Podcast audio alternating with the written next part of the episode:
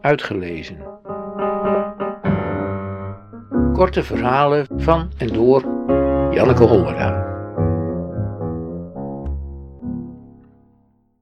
Oude man met blauw konijn.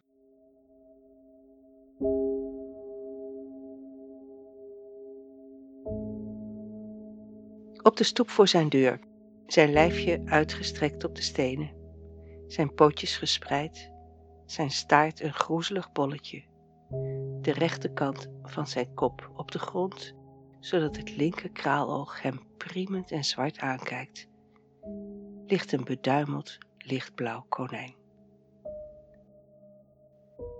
Omdat hij bang is dat iemand het zal pakken en ermee aan de haal zal gaan, zet hij zijn voet erop en wacht tot er een kind komt waar hij tegen kan zeggen: Wil jij voor 10 eurocent iets voor mij doen? Het meisje, een kind met een smoezelig rokje en blote knieën, monstert zijn grote schoenen die al maanden niet meer gepoetst zijn, zijn sokken, waarvan de randen te strak om zijn enkels zitten, zijn bruine broek met hier en daar een vetvlek, zijn buik die over zijn broekriem puilt. Ze legt haar hoofd in haar nek om via de knopen van zijn overhemd, waarvan er één ontbreekt, zodat er een klein stukje blote buik naar buiten piept, langs zijn vettige boord, zijn ongeschoren kin, zijn hangwangen, zijn grote neus en rimpels en wallen, zijn ogen te zien, waarmee hij, op zijn beurt, haar aankijkt.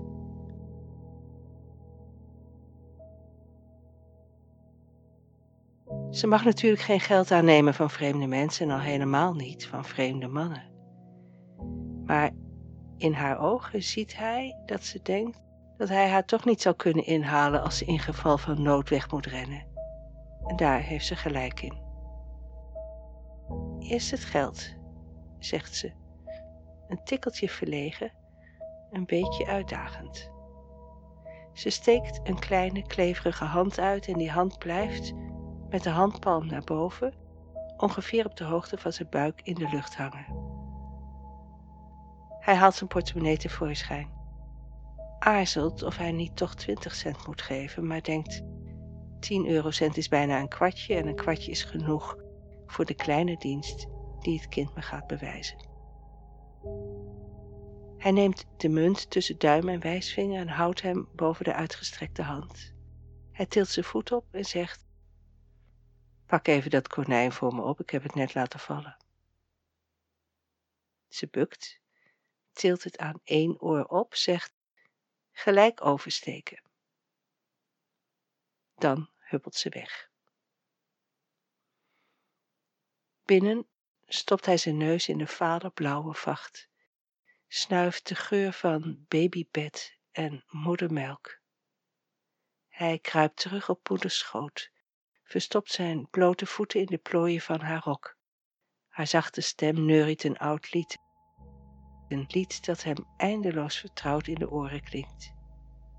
Hij legt zijn hoofd tegen haar borst, doet zijn ogen dicht en valt in een diepe slaap.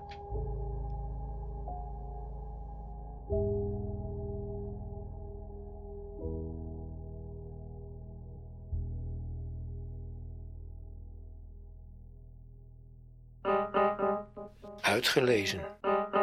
Techniek. Redwing Producties.